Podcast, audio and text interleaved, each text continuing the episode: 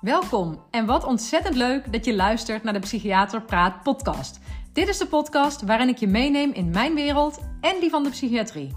En je zult zien dat ook dat een wereld is die gaat over hele gewone mensen. Mijn naam is Wieneke Gerrits en ik ben psychiater. Ik ga ervaringen en verhalen vertellen uit mijn persoonlijke leven en uit het leven van mijn patiënten. Laat je raken, inspireren, motiveren of gewoon een hart onder de riem steken. Mijn missie is om zoveel mogelijk mensen in beweging te zetten om voor zichzelf te zorgen. Door met elkaar te delen en hulp te vragen als dat nodig is. Niet alleen bij professionals, ook bij elkaar. Zo maken we samen het leven wat draaglijker en onszelf of de ander soms gewoonweg een stukje gelukkiger. Heel veel luisterplezier! Good morning, good morning. Welkom bij de Psychiater Praat podcast bij de aflevering Het gaat niet om u. En dat is ook de titel van deze podcast. En niet alleen van deze podcast, maar ook de titel van een hoofdstuk uit het boek van Letty van der Geest. Um, het boek dat heet Het leven is niet veel soeps en andere geruststellende zinnetjes van meneer Veldman. Een hele lange titel. Maar ik heb hier al eens eerder um, aan gerefereerd aan dit boek. Eh, ik heb de schrijfster ook ontmoet, uh, dus daar, heb ik ook een podcast over opgenomen, uh, vrij in het begin. Um, en ik, um, die ontmoeting die kwam eigenlijk tot stand omdat ik een hele positieve recensie over dit boek plaatste op Instagram. Waar zij uiteindelijk op reageerde en we in contact, contact kwamen met elkaar. En um, nou, om even terug te gaan naar die positieve recensie, dat ja, ik kende haar, de schrijfster, toen dus nog niet. Dus uh, die was echt helemaal oprecht. Ik had het boek gekregen voor mijn verjaardag um, van een collega-psychiater en zijn vrouw. En um, ik heb het gelezen en ik vond het zo mooi geschreven. Op een hele ja, prettige manier om te lezen. Niet zwaar of zo, maar het gaat dus, het is autobiografisch. Het boek gaat over de schrijfster zelf en hoe zij jarenlang uh, in therapie is geweest bij een psychiater. En uh, ja, super openhartig, openhartig verteld over, ja, over die behandeling, maar ook dus over haar privéleven, zeg maar. En, um, en, ik, en zij schreef het heel erg mooi, maar ook um, de, de psychiater, meneer Veldman, die is uh, al ruim tijd geleden overleden. Maar hoe hij inderdaad, hoe zij een inkijkje geeft over hoe hij te werk ging, ja, vind ik ook echt een, ja, is hij postuum een groot voorbeeld voor me eigenlijk. En um, ja, ik haal uh, dit zinnetje er nu uit. Het gaat niet om u. Uh, dat is wat hij heeft uitgesproken naar zijn patiënten, uh, mevrouw van de Geest. En die vind ik zo treffend. En ik ga proberen om, um, om dat over te brengen in deze aflevering. Uh, ik hoop dat dat lukt, want ja, als je misschien niet dagelijks in deze materie zit, zeg maar, dan kun je een beetje denken van, goh, wat is nou zo bijzonder aan die opmerking? Maar ik ga het dus proberen te beschrijven. Het is namelijk zo, ik vind deze zin, het gaat niet om u, vind ik eigenlijk zowel uh, daar, daar, daar klinkt zowel het verdriet in, dat het niet om jou gaat, maar daar zit ook iets, um, ja, iets geruststellends in, omdat het, omdat het niet om jou gaat, dus ook niet uh, tussen aanhalingstekens jou, dat je er niks aan kan doen of dat het niet jouw probleem is. Of dat je dus ook niet bij die ander moet zoeken. Nou ja, misschien wordt dit meteen eigenlijk al heel ontastbaar. Ik weet het niet. Dus ik ga er gewoon wat meer woorden aan vuil maken uh, in de komende uh, minuten. Um, want waar het uh, in ieder geval ook in dit boek over gaat en waar ik het ook mee associeer, is dat het gaat over, ja, je zou kunnen zeggen eigenlijk over de term verwaarlozing. En um, de, de schrijfster, die is zeker in haar kindertijd verwaarloosd. Um, zeg maar in pedagogisch opzicht, in emotioneel opzicht. En, um, en daar heeft zij ja, later in haar leven duidelijk veel last van gekregen. Dat omschrijft ze allemaal helemaal. Dus het is niet zo dat ik nu haar, uh, ineens haar levensgeschiedenis uh, hier zomaar tentoonspreid. Het staat heel, heel expliciet en uitgebreid in dat boek beschreven. dus dat vertel ik nu een beetje na. Maar um, het gaat er eigenlijk om dat zij in haar op, in haar jonge leven gewoon echt tekort is gekomen aan aandacht, aan liefde, aan warmte. Uh, ja, gewoon verbondenheid met, met de belangrijke mensen om haar heen. En dat ze uh, ja, op volwassen leeftijd eigenlijk problemen krijgt. Met name onder andere als het gaat om relaties met, uh, met mannen. maar ook als het gaat om ja, hoe ze naar zichzelf kijkt, haar, haar zelfwaarde of haar zelfbeeld. En dat is, ehm, nou ja, dat, dat herken ik heel erg vanuit mijn werk. Ik heb heel, ehm, ik heb jarenlang gewerkt met mensen waarbij dit bijna altijd een centraal thema was in de problematiek of in de, de onderliggende, het onderliggende kwaad zeg maar, van de problematiek waar mensen in hun volwassen leeftijd uh, mee uh, te dealen krijgen. En um, dus dat is, uh, ja, dat, dat gaat me heel nou in het hart. Dat, ja, dat, ik, ik heb altijd met enorme. Ik heb, ja, hoe moet ik dat nou zeggen? Ik heb me altijd enorm betrokken gevoeld bij de patiënten met wie ik uh, werkte met deze problemen. Ja, en, en heel erg uh, gelukkig, zeg maar, mee kunnen verbinden juist. Dus heel erg proberen hè, in samenwerking met een patiënt dit, uh, ja, de, deze pijn ja, een soort van te herstellen of ja, te leren te dealen met wat er in het verleden niet is geweest.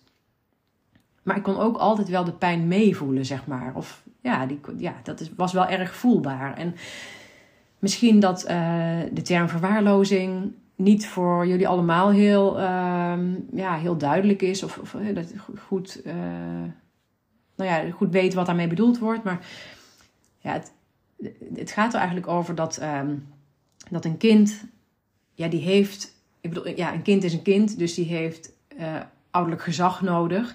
Maar dus ook um, de verantwoordelijkheden die daarbij horen. En um, eigenlijk moeten, of moeten, maar opvoeders aan de, aan de behoeften van het, van het kind voldoen. Of daar invulling aan geven. Dus er moet aandacht zijn voor het kind. Uh, zowel uh, de materiële behoeften, gewoon, een, gewoon een goede voeding, uh, kleding om het lichaam, een dak boven het hoofd. Um, er moet pedagogisch voldoende uh, aandacht zijn. Hè? Gewoon uh, regels, duidelijke grenzen. Wat kan wel, wat kan niet. Uh, hoe gaan we met elkaar om? ja, leren dat je je op een bepaalde manier wel en op een bepaalde manier niet kunt gedragen. En aan emotionele behoeften moet worden voldaan. En dat gaat dus veel meer over wat ik net noemde. Zo, hè? Het gaat erom dat je aandacht krijgt, dat, je, dat er met liefde en warmte met je wordt omgegaan, dat je respect krijgt. En um, ja, dat is waar het gewoon uh, helaas ook heel vaak op misgaat. Of heel vaak zeg ik, uh, ik heb ook een vertekend beeld, want ik heb natuurlijk veel mensen gezien waarbij dat ernstig is misgegaan, echt in ernstige mate. En, um, want bij ernstige verwaarlozing, dan spreek je eigenlijk ook van mishandeling. Dat is eigenlijk ook mishandeling van een kind. Uh, en de mensen met wie ik heb gewerkt, is dat dus vaak ook het geval geweest. En is er daarnaast ook vaak uh, nog wel andere vormen van mishandeling voorgekomen. Um, en misbruik. Dus, hè, dus uh, dat, is, uh, dat, dat kan heel ver gaan en dan leidt dat ook echt tot trauma. Maar wat ik nou juist zo, ook zo interessant vind, is dat dit een thema is wat, um, wat niet alleen maar um, bij patiënten in de psychiatrie voorkomt. Het is eigenlijk juist een thema ja, wat ik ja, gewoon bij bijna iedereen wel op een bepaald moment zie of tegenkom of terughoor. En um, want hoe het vaak beleefd wordt of uh, hoe het vaak verwoord wordt, wordt, is dat mensen zeggen van ja, ik voel me gewoon niet begrepen of ik voel me, ik voel me gewoon niet gezien of niet gehoord. En uh, dat zie ik ook terug. Bijvoorbeeld nu uh, in mijn coachingspraktijk, dat er heel veel mensen zijn die uh, bijvoorbeeld op het werk of zo zeggen van ja, ik word eigenlijk gewoon niet op waarde geschat. Of mensen zien niet wie ik echt ben. Of luisteren niet naar me, horen me niet. Maar net zo goed zie ik het ook bij. bijvoorbeeld als ik met vriendinnen ben of zo en er, er is iemand die bijvoorbeeld een relatieprobleem heeft, dan, dan, um, dan heb je vaak aan de oppervlakte allerlei kenmerken. Hè, van dat er ruzies zijn of onderwerpen zijn waarover uh, ge, geruzied wordt. Of uh, dingen die je vervelend vindt aan de ander. Of, of dingen die de ander wel of niet doet, uh, waar je iets van vindt of last van hebt. Maar als je dan kijkt naar de onderlaag, dan gaat het er vaak over dat iemand um, bepaalde behoeften heeft die niet vervuld worden. Dat het er vaak om gaat van ik zou willen dat de ander meer aandacht heeft voor een bepaald deel van mij, voor iets waar ik waarde aan hecht, wat ik belangrijk vind. En um, dus het, het onderwerp van, uh, nou ja, dus om naar die titel te gaan, het gaat niet om u. daar heeft, ja, durf ik bijna te zeggen, zo goed als iedereen in een bepaalde mate wel eens last van. En ik herken dat zelf namelijk ook. Ik, uh, ik, ik, ik, moest daar ook aan denken, uh, heel recent, dat uh, uh, had ik zo'n voorbeeld waarin ik daar geraakt werd. Ik zal het eventjes toelichten. Um, ik had een hele drukke week gehad, omdat mijn man op congres, congres was en ik was met de kinderen alleen thuis. Dus ik had gewoon een volle week gehad. En ik was zelf hartstikke blij eigenlijk dat dat goed was gegaan. Want jarenlang was het helemaal niet denkbaar dat ik dat in mijn eentje zou opvangen. Gezien mijn beperkingen door mijn heupklachten en zo. Dus ik was eigenlijk heel tevreden. Um, maar was ook wel gewoon vermoeid geraakt ervan. Het was ook wel, uh, het was, het was ook pittig. En um, het weekend daarna stonden er hadden we heel veel uitnodigingen zeg maar, voor sociale activiteiten. Overdag en s avonds echt meerdere dingen stonden er in dat weekend uh, gepland. Of, of uh, ja, waren beschikbaar, zeg maar. En mijn man en ik hadden een beetje uh, gekeken en wat keuzes gemaakt over wat gaan we wel doen, wat gaan we niet doen. En ja, voor mij geldt dan sowieso dat bijvoorbeeld avondactiviteiten dan de eerste activiteiten zijn die ik schrap of waar ik niet naartoe ga. Omdat, ja, ik moet dan gewoon zeg maar rust hebben. Mijn lichaam moet dan rust hebben om weer een beetje te herstellen van de belasting daarvoor. Dus zo was het dat ik een bepaalde avondactiviteit had afgezegd. En ik hou het trouwens echt heel algemeen, omdat ik gewoon niet wil dat. Uh, ja, het gaat over mij, het gaat niet over de mensen die hierbij betrokken waren. Um, en mijn man was daar wel naartoe geweest en hij had een opmerking gekregen van een andere bezoeker van. Ja, die had zoiets gezegd als van, oh, heeft Wieneke het niet over voor deze persoon om hier nu naartoe te komen of zo, van waar, door wie ik was uitgenodigd. En uh, mijn man vertelde dat aan mij en ik voelde me echt meteen boos worden eigenlijk. Hè. Dat was de volgende dag, vertelde hij dat. En, ja, en waarom werd ik boos? Ja, dat gaat precies over dit. Omdat ik was juist eigenlijk super tevreden over de afgelopen week. Ik was super tevreden over ja, de positieve zelfzorg die ik pleegde. Door juist te kijken van welke dingen kan ik dit weekend wel niet doen. En, uh, maar ik kreeg dus meteen de neiging om dat te gaan verdedigen, bij wijze van spreken. Om die andere persoon op te bellen en uit te gaan uitleggen. Nou ja, dat is net wat overdreven, maar ik voelde wel zo'n soort iets in mezelf ontstaan. Dat ik dat wil, ik wilde dus eigenlijk gewoon begrepen worden. Want door die ene opmerking van, oh, heeft, ach, heeft ze het niet eens over voor die en die om nu te komen, voelde ik me zo ongezien. En het gaat helemaal niet over die persoon die dat zei, denk ik. Want eerlijk gezegd denk ik dat hij het gewoon zelf heel jammer vond dat ik daar niet bij was of zo. Hè? Of me graag gezien had of wat dan ook. Ik denk eigenlijk dat er iets positiefs achter schuilde. Dus dat het niet eens een negatieve opmerking is geweest. Maar hij kwam op mij dus wel binnen en het, maakte, het raakte mij wel emotioneel. Omdat ik dus dacht van ja, je, het gaat niet om mij. Het ging niet om mij in die opmerking. Het ging denk ik over een gemis van die ander of zo. Hè? Of nou, wat dan ook, dat, moet, dat kan ik alleen maar invullen. Het ging niet om mij, want, en ik voelde me daarom dus ook niet begrepen in deze situatie. Nou, nou heb ik gelukkig daar ook inmiddels wel wat zicht op dat ik daarin uh, geraakt kan worden. Dus het is niet zo dat het mij heel erg ontregelde of ik bleef helemaal niet boos of zo. Maar ik merkte dus wel van, oh, dit moet ik binnen in mezelf een beetje reguleren. Ik moet dat ook eventjes cognitief tegen mezelf zeggen van, Wieneke, ja, je wordt hierin geraakt dat je je verkeerd begrepen voelt. En dat, uh, dat ken ik. En uh, ik weet ook bijna zeker dat dit ook iets zegt niet over wat er in dit voorbeeld gebeurde, maar dat dat iets is wat ik op jongere leeftijd vaker ervaren zal hebben. Dat dit iets is waarin ik op jongere leeftijd uh, ook tegen aangelopen ben. Dat ik ook heb gedacht van hé, hey, uh, ik word niet goed begrepen of je ziet me niet of zo. Hè? En um, op zich gaat het er nu niet om om dat helemaal uh, uit te pluizen of zoiets dergelijks. Maar dit is namelijk hoe het heel erg vaak gaat. Dat we in het nu, waarschijnlijk ben jij volwassen als je dit luistert, in je volwassen leven, leven dat je soms door dingen geraakt wordt in de negatieve zin, hè, dat het je verdrietig maakt of boos maakt. En uh, zeker wanneer je ook zelf een beetje kan zien van hé, hey, dat is een beetje een overtrokken reactie of een beetje overdreven of meer dan op zich gepast zou hoeven zijn bij deze situatie. Als dat het geval is, dan is het meestal zo dat je niet letterlijk de situatie, maar wel een beetje wat er gebeurt, alles vaker hebt meegemaakt. En dan vaak is dat op jonge leeftijd ontstaan. Dus dit was even een toelichting die over mezelf ging, waarbij ik probeer te laten zien van um, we hebben, eh, of tenminste, ik heb net zo goed ook dus met dit onderwerp te maken. Met dit onderwerp, ja, een verwaarlozing voelt dan inderdaad als een heel groot zwaar woord. Ik ben ook geen verwaarloosd mens, zo zie ik dat zelf niet. Maar er zitten Uh, zonder dat ik eigenlijk patiënten tekort wil doen, die hier uh, inderdaad echt uh, die, die verwaarloosd zijn en daardoor echt trauma hebben opgelopen. Maar zonder hen tekort te willen doen, zitten er zoveel gradaties in.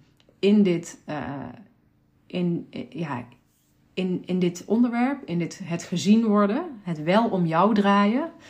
Dat we daar allemaal in een zekere mate, denk ik, wel iets in hebben gemist of iets in missen. Ja, daar ben ik eigenlijk van overtuigd. Door wat ik net al zei. Dat ik het. Ik kom het bij iedereen wel eens op een bepaald moment in het leven uh, tegen. Hoor ik dat wel eens terug. En. Uh, want ik denk dat het ook gewoon realiteit is. Het draait ook niet altijd om jou. En um, ik, ga, ik ga een heel klein stukje uit het hoofdstuk van, uh, van dat boek van Letty van der Geest voorlezen. Omdat ik eigenlijk wel. ja, ik, ik vind dus dat deze psychiater, meneer Veldman, de dingen soms heel mooi heeft verwoord, heel treffend. Dus uh, het hoofdstuk heet Het gaat niet om u. Nou, hier komt hij. Ja, zo is het nu eenmaal, zei meneer Veldman. Het gaat niet om u. Het gaat al die andere mensen om al die andere mensen. Alleen bij u gaat het om u. Of althans, zou het om u moeten gaan. Het probleem is alleen dat u allerlei romantische ideeën heeft van samen en voor elkaar. U wilt heel veel geven, alles van uzelf, en wat u mist wilt u dan van de ander krijgen. Maar wat u vroeger nodig had, maar niet heeft gekregen, dat krijgt u nu ook nooit meer. Dat had in uw jeugd moeten gebeuren. Daarvoor is het nu te laat. Wat u wilt en wat u nodig heeft, dat krijgt u niet meer. Nou ja, het is eigenlijk een, dit, hier, dit is het einde van het citaat, maar um, dit is natuurlijk eigenlijk een hele treurige, ja, treurige, trieste uh, stukje tekst, eigenlijk zou je kunnen zeggen. Um, want wat hij eigenlijk zegt is van ja, je had in je kindertijd iets moeten krijgen, dat heb je niet gehad en dat gat wordt nooit meer opgevuld. Um, maar daarin zit dan ook, daar zou je ook kunnen zeggen, er zit ook een soort berusting in. Want, wat, ja, want waarom ik dat zeg is omdat uh, wat ik heel erg zie om me heen en ook in mijn werk, is dat als je dat hebt gehad, als je tekort bent gekomen op jonge leeftijd, dat je dan de rest van je leven eigenlijk blijft zoeken naar vervulling van die behoefte alsnog. En dat past eigenlijk niet meer bij je leeftijd op dat moment. Als je dan blijft zoeken dat iemand voor je blijft zorgen of zo. Dat is heel fijn als je bijvoorbeeld een partner vindt die ook heel zorgzaam is. Maar het moet wel gelijkwaardig zijn. Of tenminste, wanneer het niet gelijkwaardig is, gaat dat uiteindelijk scheef lopen. Of nou ja, dat soort relaties houden dan vaak ook geen stand. En um, ik moet hier wel een een uh, side note bij plaatsen bij dit stukje tekst wat ik heb voorgelezen, omdat ik het niet 100% eens ben met wat hij hier zegt. Of eh, misschien, um, uh, hij zegt het ook tegen deze specifieke patiënten, dus op, bij haar klopt het misschien. Maar het is dus wel zo dat um, bij mensen die uh, ernstig verwaarloosd zijn op hun kinderleeftijd en daardoor inderdaad echt psychische problemen krijgen op volwassen leeftijd is er wel degelijk iets aan te doen. Dus, want hij zegt, even kijken, hoe staat het er ook weer precies? Dat krijgt u nu ook nooit meer, zegt hij. Terwijl ik wel heb gezien dat je met um, intensieve therapie, psychotherapie en traumabehandeling, dat je daar uh, uh, wel echt soms een stuk van dat gemis kunt herstellen. Eigenlijk alsnog kunt geven. Omdat je tijdelijk uh, als therapeut of als therapeutisch team echt wel um, aan een patiënt wat kunt geven wat er in de jeugd heeft ontbroken. En dat kan tot op zekere hoogte, want je, ja, je bent natuurlijk niet uh, de opvoeder, de vader of moeder van de patiënt. Maar er is wel degelijk echt iets mogelijk in het aangaan van een contact, in het hechten aan elkaar en in de omgang met elkaar, die je dus met patiënt, met de therapeut uh, kan doen, um, waarin er hierin iets hersteld wordt. Dus ik wil daar ook echt wel hoop in geven. Dus stel dat je dit luistert en je herkent je wel in ja, in, in een hele um, um, forse vorm van tekort gekomen zijn in je jeugd. Hè, gebrek aan aandacht voor jou, het voorzien van jouw behoeften. Dan wil ik, niet dat het, uh, wil ik je niet wanhopig maken. Want in therapie kun je hier echt wel nou ja, hele, hele gewenste resultaten mee behalen. Dus dat. Maar aan de andere kant Um, wanneer ik dus het spectrum wat breder trek en kijk naar de volwassen mensen die zich niet herkennen in, um, in het hebben van uh, psychische problematiek, maar die uh, als je naar dit luistert misschien wel denkt van hé hey, ja, ik voel me ook wel eens zo, ik, ik voel me ook wel eens niet gezien. Of, dan daarin vind ik wel dat, dat dit redelijk van toepassing is. Dat je kunt zeggen van ja, het is niet helemaal ja, realistisch zou ik willen zeggen ja, wie ben ik om dat te zeggen? Maar zo zie ik het. Het is niet helemaal realistisch om dat dan van een ander te verwachten. dat als jij iets tekort bent gekomen, dat je dan nu bijvoorbeeld in je volwassen leeftijd van een partner gaat verwachten dat hij dat gat opvult. Dat kan, dat kan soms. En soms gaat het ook een hele tijd goed. Ehm, maar wat ik net al zei, dat kan scheef lopen. Maar het is eigenlijk veel helender, veel effectiever als je daar zelf bewust van wordt en jezelf daar iets in kunt geven. Want uh, ja, wat ik misschien nog net niet zo heel. Uh, nee, dat heb ik volgens mij nog niet echt uitgelegd. Maar wat er gebeurt eigenlijk als je uh, op kinderleeftijd verwaarloosd wordt. Of het nou pedagogisch is, of emotioneel, um, of materieel. Wat er dan gebeurt eigenlijk in je ontwikkeling is dat je. Um, nou ja, dit is een beetje een psychologische verklaring die ik dan geef. Maar waarschijnlijk is het zo dat je dus een soort van boodschap krijgt, impliciet vaak van dat je niet belangrijk bent. Hè, of dat het dus inderdaad niet om jou draait. En uh, dat heeft vaak een negatieve uitwerking op het zelfbeeld wat je over jezelf ontwikkelt als je opgroeit. En dan ga je jezelf ook onbelangrijk vinden of niet zo goed of uh, niet de moeite waard. Uh, hè, dus je, je eigen waarde wordt vaak dan wat aangetast. En het andere negatieve effect wat hiervan uh, hierna vaak zichtbaar wordt, is dat je moeite hebt met het vormen van relaties. En niet alleen maar liefdesrelaties, ook vriendschappen uh, hè, of samenwerkingsrelaties. Ja, en dus ook liefdesrelaties. Dus dat zijn vaak um, gevolgen van het, uh, ja, van het te weinig aandacht voor jouw behoeften op kinderleeftijd. En um, ik zit te denken, ja, misschien kan ik wat voorbeelden geven uit de praktijk. Um, van hoe dat er bijvoorbeeld uit kan zien. Want uh, voor mij is dit dus een hele uh, ja, gangbare term, hè, verwaarlozing. En, en ook die verschillende vormen van verwaarlozing. Bij mij, ja, heb, ik heb daar meteen een beeld bij of een idee. Ik zie ook letterlijk, uh, zeg maar in gedachten, patiëntenvormen die ik daarin herken en zo. En misschien is dat voor jullie niet zo. En, maar wat ik bijvoorbeeld um, wat me heel erg is bijgebleven, en die gaan bij mij ook echt door merg en been, dit soort uh, ervaringen hoor, of verhalen. Maar dat ik een keer een jonge vrouw uh, in behandeling had, ja, een jaar of dertig of zo, of in de dertig. En zij vertelde dat ze op jonge leeftijd, toen ze vijf jaar was, een jonger zusje had van een jaar of twee. En uh, haar ouders waren eigenlijk heel weinig beschikbaar voor hen. Uh, dus in mijn termen kan ik zeggen, ja, zij werden echt pedagogisch verwaarloosd, kwamen echt niet. Uh, er was eigenlijk helemaal geen, geen opvoedingskader. De kinderen werden een beetje aan hun lot overgelaten. Ouders werkten uh, ook in de horeca, dus waren ook vaak weg. Maar er was ook best wel wat alcoholgebruik. En nou, er was weinig structuur in huis. En um, dat meisje van vijf moest eigenlijk toen al gedeeltelijk voor haar zusje van twee jaar oud zorgen. Nou ja, dan sowieso is dat eigenlijk al uh, absoluut niet hoe het zou moeten zijn. Dat is absoluut niet de behoefte van een vijfjarige. Um, maar zij vertelde dan ook bijvoorbeeld dat zij um, op een gegeven moment dus op school zat. Uh, toen ze vier jaar was. En uh, haar jongere zusje zat dan uh, op, een, op een opvang of een peuterspeelzaal of een kinderdagverblijf vlakbij haar school. En dat zij als, als vier, vijfjarige dus zelf dan naar die opvang toe moest lopen om haar zusje van twee op te halen. Dat, dat zusje wat net kon lopen. En dan uh, een klein stukje moest lopen en uh, op een vaste plek moest wachten tot ze door haar, een van haar ouders werd opgehaald om uh, naar huis gebracht te worden. En dat zij meer dan eens meemaakte dat zij met dat jonge zusje daar op die stoep ergens zat te wachten en dat er niemand kwam opdagen. En dat er natuurlijk allerlei andere volwassenen om, om hen heen waren, leerkrachten of juffen of en, en mensen, voorbijgangers die, die, die op straat voorbij kwamen, die hun zorgen uiten en zo. En dat zij zich altijd groot hield en altijd zo jong als ze was kon zeggen: Oh nee, maar dat komt goed hoor, zo meteen komt mijn vader of moeder. En dat zij daar nu eigenlijk voor het eerst, toen, toen ze in therapie was bij ons, dat ze voor het eerst eigenlijk uh, de pijn kon gaan voelen van wat er toen gebeurd was. Want toen was dat voor haar haar referentiekader. Dat was normaal. Ze, ze had nog geen. Hè, eigenlijk is als kind je wereld heel klein. Je hebt nog helemaal geen overzicht. Je weet niet wat normaal is. Het enige wat je denkt dat normaal is, is wat er bij jou thuis gebeurt, zeg maar. Dat is wat je kent. Dus voor haar was dat normaal. En uh, nou ja, zij was zo iemand. Want dit is natuurlijk maar net één voorbeeld uit haar levensgeschiedenis. Maar ze had inderdaad uh, op, op, op latere leeftijd echt grote uh, emotionele, psychische problemen. daarvoor kwam ze in behandeling. En toen kon ze eigenlijk voor het eerst echt de pijn voelen van die verwaarlozing. En ehm, ja, zo schiet me ook een ander voorbeeld binnen van een jonge man die.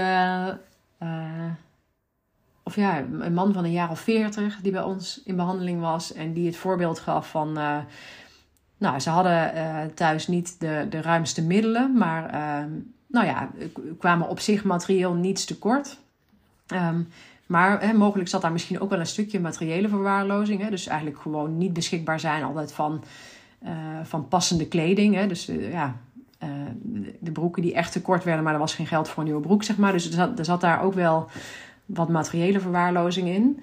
Um, maar het was een heel. hij vertelde een voorbeeld van een heel bijzonder moment dat ze een dagje naar een pretpark zouden gaan. En dat was dus bij hen echt een uitzondering, want dat kost natuurlijk ook geld. Dus uh, had hij als jochie van een jaar of zes had hij zich daar enorm op verheugd. En um, nou ja, hij was helemaal eigenlijk door het dolle heen, zeg maar, van enthousiasme. En ja, ik, weet, ik, ik heb kinderen van die leeftijd, dus ik kan me daar een beetje een voorbeeld, voor, voorstelling van maken. Misschien kun jij dat ook. Maar zie een jong ventje wat gewoon heel speels en vrolijk is en zijn geluk niet op kan omdat ze een dag naar een pretpark gaan. En uh, nou ja, ze zouden op een bepaalde tijd vertrekken. Hij mocht nog even buiten spelen, dus hij had zijn rolschaatsen aangedaan en was lekker aan het rolschaatsen. En op een bepaald punt uh, zag hij zijn vader de straat in komen waar, waar hij aan het rolschaatsen was. En die begon het op een, ja, op een schreeuwen te zetten. En nou, wat bleek er aan de hand te zijn? dit jongetje ja, had totaal geen overzicht van de tijd. Had blijkbaar was te lang of te ver gaan rolschaatsen. daardoor uiteindelijk, ja, hoe dat precies zat, weet ik niet. Maar besloten de ouders van het uitje kan vandaag niet doorgaan. Ik weet niet of dat te maken had met, uh, met de reistijd of zo. Of dat ze de bus gemist hadden of wat dan ook. Dat weet ik niet. Of misschien gewoon uit frustratie of boosheid of wat dan ook. Maar eigenlijk gaven ze het jongetje de boodschap van... door jouw schuld, omdat jij niet uh, op tijd terug was... kunnen we vandaag niet naar dit uitje. Nou ja, dit, dit is niet alleen verwaarlozing. is ook nog, ook nog uh, mishandeling. in een andere vorm zou je kunnen zeggen. Maar ook dit is maar gewoon één voorbeeld uit het leven van zo'n kind wat eigenlijk dramatische consequenties heeft voor iemand. Want dit is, ja, en dat, dat bleek dus ook, hè, omdat hij dan op 40-jarige leeftijd met dit voorbeeld komt, waar hij zo ook zich, dat, ook, het draaide niet om hem, zeg maar. Hè, want als je je inleeft in een zesjarige die buiten gaat spelen, dan ja, is het heel erg passend eigenlijk bij de leeftijd. Dat hij zich nog niet verantwoordelijk voelt, maar is überhaupt eigenlijk voor het bewaken van die tijd er zijn vast en zeker zesjarigen die dat heel goed kunnen, maar het is niet per, se zo dat je dit van een kind van die leeftijd kunt verwachten. En um, dus het, het, hem verwijten, dat klopt ook eigenlijk niet. Uh, en daarnaast is hij niet verantwoordelijk voor dat daarom het hele uitje niet doorgaat, zeg maar. En om dat dan helemaal bij dat kind te leggen op, dat moment, dat, ja, dat klopt dus helemaal niet. Dat, het ging niet om hem op dat moment. Hetzelfde als bij dat meisje wat voor dat kleinere zusje moet zorgen. Nou, dat, dat op zichzelf zegt al van het gaat niet om haar. Hè, want zij moet al voor iemand anders eigenlijk zorgen terwijl daar nog veel te jong voor is. Maar ook dat je dan daar op die stoep staat te wachten. Het gaat blijkbaar niet om haar. En wat de reden ook is, want uh, ik noem nu een aantal, ja, vind ik tenminste, behoorlijk ernstige voorbeelden.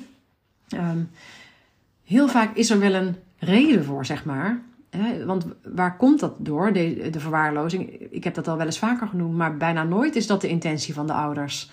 Meestal is het de intentie van de ouders om het goed te doen voor hun kinderen. En heel vaak komt het ofwel omdat ze zelf niet emotioneel beschikbaar zijn. Bijvoorbeeld omdat ze te veel bezet zijn door eigen problematiek. En misschien ook wel weer wat, wat de ouders zelf hebben opgelopen in hun eigen jeugd. Dat kan. Maar ook bijvoorbeeld zie je dat als volwassenen bijvoorbeeld in scheiding liggen uh, met elkaar, hè, ouders in scheiding zijn en uh, dan gewoon echt helemaal geen ruimte meer hebben eigenlijk of oog hebben, aandacht hebben voor de behoeften van de kinderen op dat moment. Het kan ook zijn dat, um, dat het niet zozeer alleen maar het niet beschikbaar zijn van de ouders is, maar het hele onvoorspelbare ouders die zichzelf heel grillig uh, voelen, uh, waar het heel erg kan wisselen. Uh, dus het ene moment is de vader of moeder of de opvoeder heel erg lief en beschikbaar. En het andere moment ja, is er iets aan de hand waardoor hij of zij helemaal niet de rust en de kalmte heeft om te reageren op het kind. En in sommige gevallen zijn ouders of opvoeders ronduit vijandig, zeg maar. Zijn, hè, die zien misschien het kind als een last of zo. Hè. En het, het kan ook zijn dat dat voor hen zo is, hè, dat het hen te zwaar valt, de verantwoordelijkheid en zorg voor een kind. Maar er kunnen allerlei redenen zijn die meestal niet echt vanuit kwade opzet zou zijn, maar dus wel kwaad doen. En het resultaat daarvan eigenlijk is, is dat de volwassene, het kind wat opgroeit tot volwassene, uiteindelijk een soort pijn voelt van iets wat er juist niet gebeurd is. En misschien moet ik trouwens nog wel erbij zeggen ehm, dat. Ehm, want je, zou je misschien kunnen gaan zorgen maken als je zelf nu ouder bent, hè, een vader of moeder bent en kinderen hebt, zou je je misschien wel kunnen gaan zorgen maken van, oh jee, wanneer heb ik mijn kind niet gezien of wanneer ben ik een keer uh, boos geworden terwijl uh, hij of het kind er niks aan kon doen of wat dan ook. Daarin wil ik je ook echt geruststellen. De voorbeelden die ik noem en de, de patiënten met wie ik heb gewerkt, of, uh, die, dat zijn gevallen waarbij dit structureel aan de orde was. Dus bijna op dagelijkse basis. Hè, of gewoon continu jarenlang dit gewoon de manier was waarop er met hen werd omgegaan. Terwijl wat we ook weten, uh, er is ook heel veel onderzoek naar gedaan. We weten ook dat je als ouders juist eigenlijk heel veel tussen aanhalingstekens verkeerd kunt doen, zonder dat het kind daar schade van oploopt. dus het is niet zo, maak je niet te veel zorgen als jij uh, even in een tijd zit of zo dat je een wat korter lontje hebt en misschien wat minder geduld hebt met je kinderen of wat vaker uit je slof schiet. Of, dat is op zich niet erg. Tenminste, hè, als je weet van dit is, een, dit is ja, in een bepaalde omstandigheid, of dit is tijdelijk, of dit is niet altijd zo. En uh, daarnaast is het ook nog zo dat als een van de ouders dat meer heeft en de ander heeft wel meer balans zeg maar, in zijn eigen uh, emoties en zijn eigen beschikbaarheid, dan compenseert dat ook al. Of zelfs is het zo dat als ouders misschien niet heel ja, beschikbaar zijn, dat het soms zo is dat er andere volwassenen zijn die dat ook weer kunnen compenseren. Andere belangrijke mensen in de omgeving van de kinderen. als je een gastouder in huis hebt of een familielid wat heel erg betrokken is of een, eh, iemand die ook dicht bij de opvoeding van de kinderen staat. Dus ik wil je niet te veel afschrikken of bang maken als je eh, zelf verantwoordelijk bent voor de zorg voor kinderen. En, ehm, en wat daarnaast ook heel belangrijk is, want ik, ik heb het zelf ook ik, ja, ik, ik uh, moet ook hand in eigen boezem steken. Ik, ja, als ik moe ben of uh, ja, om wat voor reden dan ook, gewoon even wat minder lekker in mijn vel zit, dan merk ik ook dat ik veel sneller een keer uh, mijn stem verhef. Hè? En ik heb ook echt wel eens geschreeuwd tegen mijn kinderen. Terwijl ik dat eigenlijk helemaal niet oké vind. Of ik bedoel, dat is helemaal niet mijn filosofie van hoe je met kinderen moet omgaan. Maar mij gebeurt dat ook. En wat ik altijd voor mezelf ja, niet onderhandelbaar vind, zeg maar, is dat, je, dat ik daar altijd op terug moet komen bij mijn kinderen. Om, om daar excuses voor aan te bieden. Of om de boodschap te geven van dat had ik niet moeten doen. Ja, dus zo zeg ik het ook meestal uh, als er zoiets is gebeurd. Dan kom ik daar ook op terug en dan zeg ik: hé, hey, ik ben net heel boos geworden. Ik heb tegen je geschreeuwd. En dat is echt niet de bedoeling. Zo, dat is niet hoe ik uh, me wil gedragen. Of, uh, nou ja, nu ik, ik praat nu in mijn, in mijn microfoon, dus toch anders dan tegen mijn kind zelf. Dus ik weet nu even niet exact de woorden die ik dan zeg, want ik pas natuurlijk aan op mijn kind. Maar ik kom daar altijd op terug. En dan zeg ik ook soms echt expliciet van sorry daarvoor. En daarmee maak ik dan bijvoorbeeld niet weg dat het kind ook iets heeft gedaan wat niet mocht. Want ik bedoel, dat kan een aanleiding zijn waarom ik boos werd. Als eh, mijn kind eh, zijn bord spaghetti van de tafel gooit eh, op het vloerkleed, ja, dat mag hij niet. maar. En dus als ik dan en, en, ja, gelukkig is het zo dat ik me in de meeste gevallen, dit is trouwens, gebeurt niet zo vaak bij ons, maar hè, gelukkig voel ik me meestal rustig en kalm genoeg om daarop te reageren. Maar er zijn ook momenten dat ik dat niet voel. En dan vind ik het dus en belangrijk om te zeggen: sorry, ik had niet zo uh, uit mijn vel moeten knappen. Maar natuurlijk moet er ook een moment zijn hè, dat ik ook zeg van hé, hey, maar wat jij deed, dat kan ook niet. Maar het moet niet zo, het moet niet zo zijn dat ik uh, het gedrag van het kind dat dat rechtvaardigt dat ik uh, iets doe waar ik niet achter sta. Die boodschap vind ik altijd heel belangrijk. Dus uh, die voeg ik ook nog aan toe. Ben niet te bang dat als je gewoon af en toe niet, eh, toch een korte lontje hebt of prikkelbaar bent, dat is echt niet erg. Maar bedenk je ook dat je ook heel veel goed kunt doen door dat ook te benoemen naar eh, hoe jong je kind ook is. Nou heb ik het nog niet eens gehad, want dat was ook nog iets wat in mijn hoofd zat. Ehm, over het, het gaat niet om u, het wel of niet gezien worden, gehoord worden. Dat is nu met sociale media ook enorm ja, kwetsbaar eigenlijk. En ik ben ook niet de eerste die, die daarover spreekt natuurlijk. Dat komt ook al heel veel voor op sociale media. Oh, maar ik bedoel ook in, ook in het nieuws en zo. Wat dat kan doen, hè, dat je zit te wachten op likejes en, uh, en hartjes of reacties op de berichten die je stuurt. En het uitblijven daarvan kan dus ook zo'n effect hebben. En dus dat is ook, daarom haal ik het nu ook nog even aan. Omdat um, het, het kan dus ook echt beschadigend werken. Want je hebt gewoon niet in de hand wat er gebeurt of hoe er gereageerd wordt op de berichten die, jij het internet op slingert. En um, als je dat op jonge leeftijd al doet, hè, dus als je op jonge leeftijd op sociale media zit en je krijgt, uh, ofwel je wordt echt letterlijk afgewezen hardop, hè, dus je krijgt vervelende reacties, of je krijgt geen reacties, dan kan dat dus op de langere termijn kan dat dus ook zo'n effect hebben van dat je je tekort gedaan voelt. Want je hebt behoefte aan, aan liefde, aan warmte, aan steun, aan, aan, reactie. En eigenlijk is dus de sociale media een heel, heel onveilig platform om dat te zoeken. Want het is super onvoorspelbaar. Dus ook zowel voor jezelf als voor als je kinderen hebt, van, ben je er echt bewust van. Van dat, uh, dat, ze, dat, ja, dat het eigenlijk veiliger is om op zoek te gaan naar dat respect en die aandacht en die liefde op plekken waar dat uh, voorspelbaarder is dat je dat ook krijgt. Dus bijvoorbeeld bij je familie, hè, bij je ouders of bij um, gewoon als je elkaar ziet, bij vriendjes, vriendinnetjes en zo. Ja, wat dat betreft, want kijk, voor mij geldt dat in zekere zin niet, omdat ik uh, gelukkig uh, vind ik zelf um, dat mijn behoeften wel vervuld zijn. Dat ik ook inderdaad um, ondanks dat ik net noemde, hè, van ja, ik heb daar ook ervaringen mee op jongere leeftijd. Dat ik iets gemist heb. Anders zou ik dat in het hier en nu niet ook af en toe me daar zo getriggerd in kunnen voelen. Um, maar daarmee zeg ik niet dat ik verwaarloosd ben of dat ik getraumatiseerd ben daarin. Ik denk dat ik voel me heel evenwichtig emotioneel. En ik, ik heb een positief zelfbeeld, zeg maar. Ik, ik, ik kan goed relaties aangaan met mensen om me heen. Dus daar ben ik heel blij om, heel dankbaar voor. Dat ik uh, ja, dat, dat dat zo in evenwicht, dat ik me zo in evenwicht heb kunnen uh, ontwikkelen. Um, en zelfs ik merk, dat wou ik zeggen, zelfs ik merk dat ik, als ik inderdaad op Instagram iets post of op LinkedIn of zo, of net zoals met deze podcast, dat ik eigenlijk echt uh, soms wel inderdaad te veel aan het kijken ben van, oh, komt er, komt er een respons of zo en wat is die dan? En uh, en dan kan ik mezelf gelukkig ook weer tegenspreken. Of nou, tegenspreken is niet helemaal het goede woord. Maar kan ik me ook weer geruststellen. Of kan, ik kan het ook loslaten. Dat wil ik eigenlijk zeggen. Ik kan ook echt denken van, oh ja, maar daar hangt en mijn eigen waarde niet van af. En mijn zelfbeeld hangt er niet van af. En mijn gevoel van succes hangt er niet van af. Maar dat is omdat ik nu al 40 ben en gelukkig al evenwichtig ben opgegroeid. Dat, dat is wat ik ermee wil zeggen. Maar als je jonger bent, ben dan bewust van, uh, van het effect wat dat kan hebben. Als je dat niet hebt.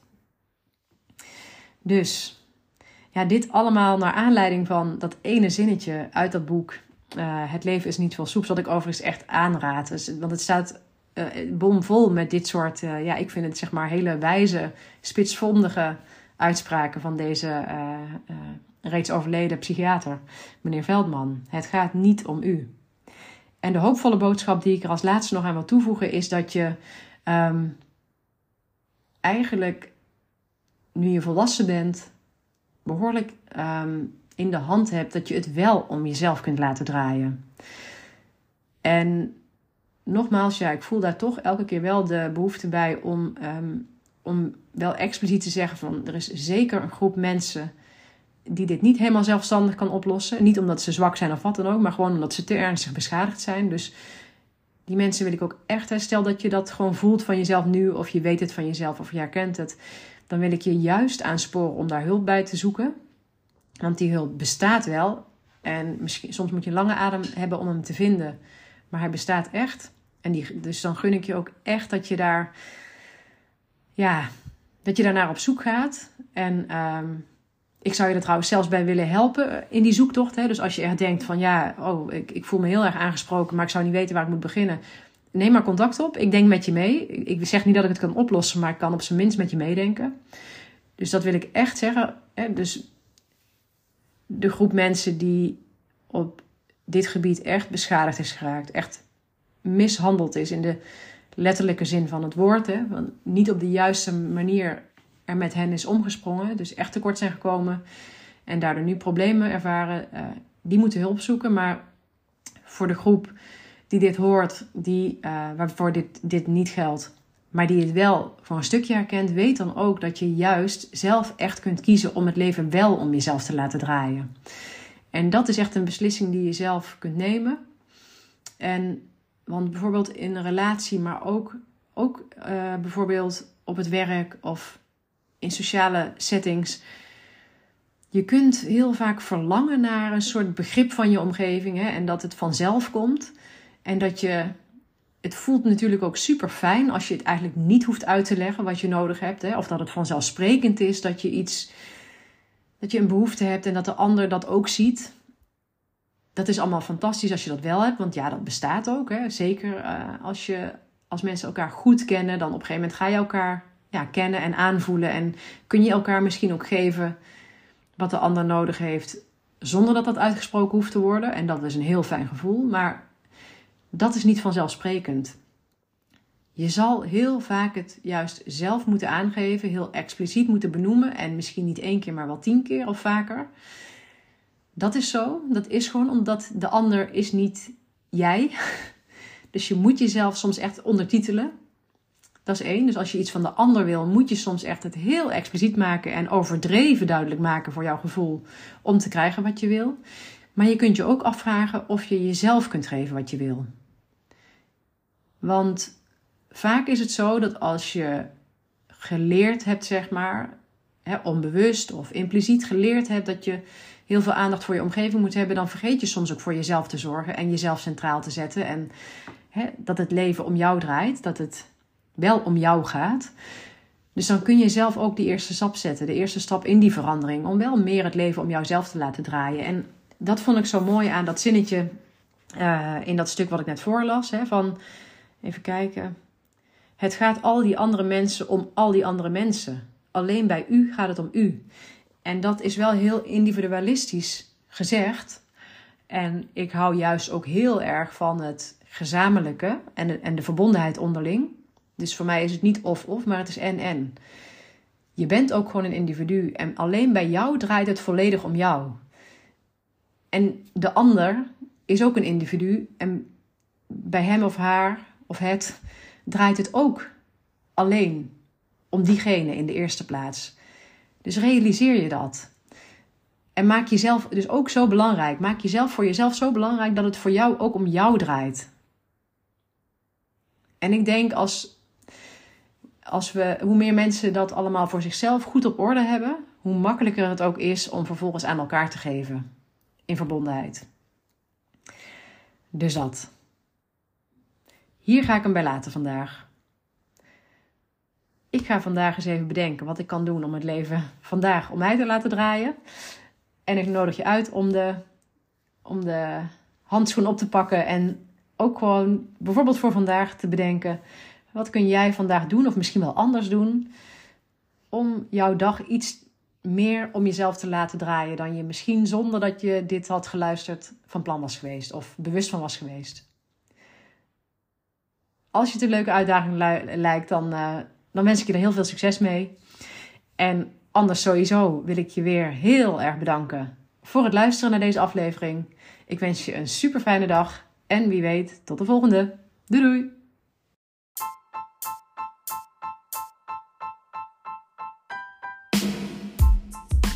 Ha, ik vind het echt super leuk dat je mijn aflevering beluisterd hebt. En nogmaals, heel erg bedankt daarvoor. Hopelijk heeft het je ook aangesproken. En wil je me dat laten weten? Dat kan via mail naar info.wienekegerrits.nl, een bericht via Instagram, waar ik te vinden ben onder Wieneke underscore Gerrits, of op LinkedIn onder mijn eigen naam. Ik vind het heel leuk om ook jou beter te leren kennen en te weten wie er luistert. Jij kunt ook anderen inspireren door mij te taggen, bijvoorbeeld in je stories of je feed op Instagram. En wat jij van mij kunt doen, is in jouw podcast-app waar je deze beluistert, een review achterlaten. Bijvoorbeeld een aantal sterren. Wil je dat doen? Zo kom ik erachter of en hoe mijn podcast gewaardeerd wordt en wordt hij beter vindbaar voor anderen. Overigens kun je je ook abonneren op deze podcast in je app. Hoe dat per app werkt, weet ik niet precies, maar vaak is er een knop subscribe, abonneren of volgen en dan krijg je automatisch een berichtje of in je app te zien als ik een nieuwe aflevering heb geplaatst. Maar nogmaals, super, super, super dank en tot de volgende!